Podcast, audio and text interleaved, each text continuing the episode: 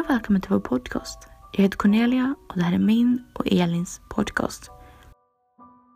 Nu när det är jul tänkte vi ha en julspecial. Vi ska ha med oss en historia och sen ska vi prata lite om jullegender.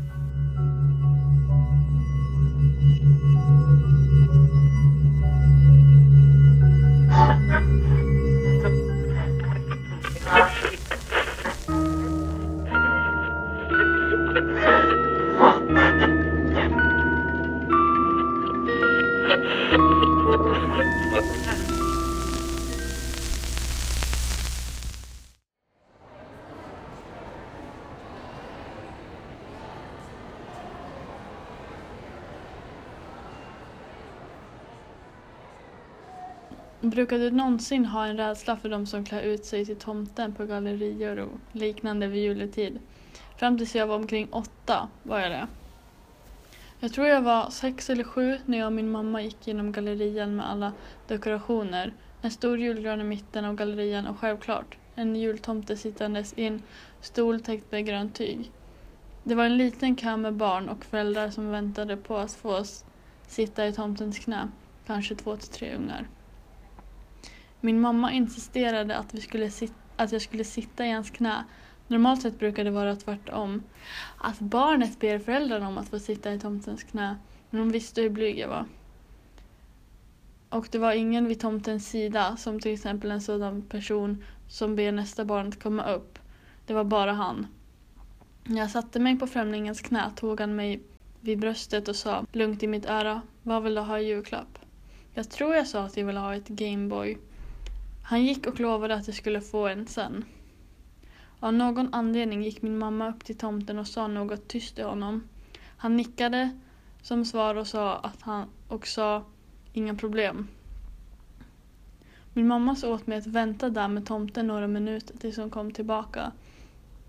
Eh, vid denna tid var det inga fler barn som väntade på att få sitta i hans knä, så all hans uppmärksamhet var riktad mot mig. Han bad mig att komma och sitta i hans knä igen. Jag på något sätt lydde trots min rädsla för tomten. När jag satt på hans knä drog han mig närmare honom så min rygg lutade mot honom. När jag tänker tillbaka på den här stunden nu är det ännu mer smärtsamt och läskigt. Han viskade sedan i mitt öra att han hade ett Gameboy utanför vid hans släde och om jag följde med honom skulle jag få det nu och slippa vänta till julafton. Nu var jag mer exalterad än rädd eftersom jag trodde på honom. Vi båda reste oss från stolen och jag följde med honom till en av utgångarna. Halvvägs stannade han och sa att vi skulle ta ett toastopp först. Vi gick in på toaletten och han låste fort dörren. Jag vände mig om och kollade på honom och han kollade på mig. Men innan någonting kunde hända var det någon som bankade snabbt och hårt på dörren och någon på andra sidan som skrek öppna. Tomten öppnade dörren och en man drog ut honom och puttade undan honom. Mannen eskorterade mig tillbaka till mitten av gallerian och frågade vart min mamma var. Jag kollade när den falska jultomten gick därifrån och försvann ur mitt synfält. När min mamma kom tillbaka förklarade mannen allting. Jag är ganska säker på att han såg hela incidenten. Så han och min mamma gick och frågade ifall de ens hade anställt en tomte idag. Det hade de inte. Vem det än nu var, var det bara en, en pervers man utklädd till tomte för att få barn att sitta i hans knä och förmodligen väntade på ett perfekt tillfälle att ta med sig en, precis som han nästan gjorde med mig.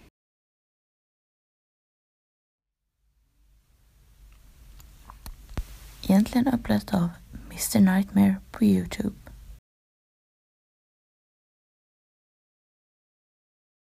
Och förr i tiden hade man många jullegender för att tänka skrämma barn. Och här är några av dem. Krampus. En mellaneuropeisk legend. Krampus är en djävulslik varelse som har svart päls över hela kroppen. Han har horn som en getbock och en lång röd spetsig tunga och har hovar som fötter. Han är en skrämmande föreslagare till Sankt Nikolas.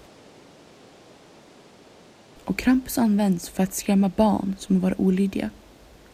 Och genom att skrämma dem för att bli lydiga så straffar han dem med en risbastu eller rör bort barnen om de inte är snälla. Rubertknäckt. som kommer från Nordtyskland.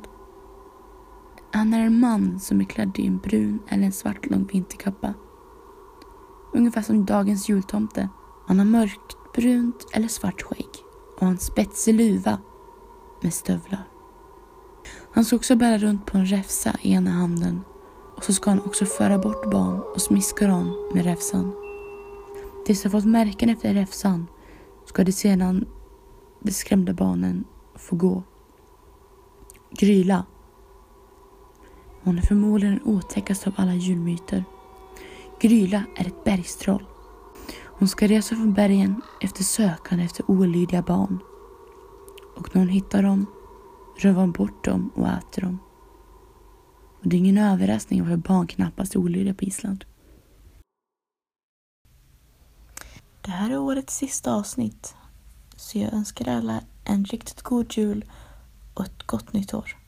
Så syns vi igen i januari.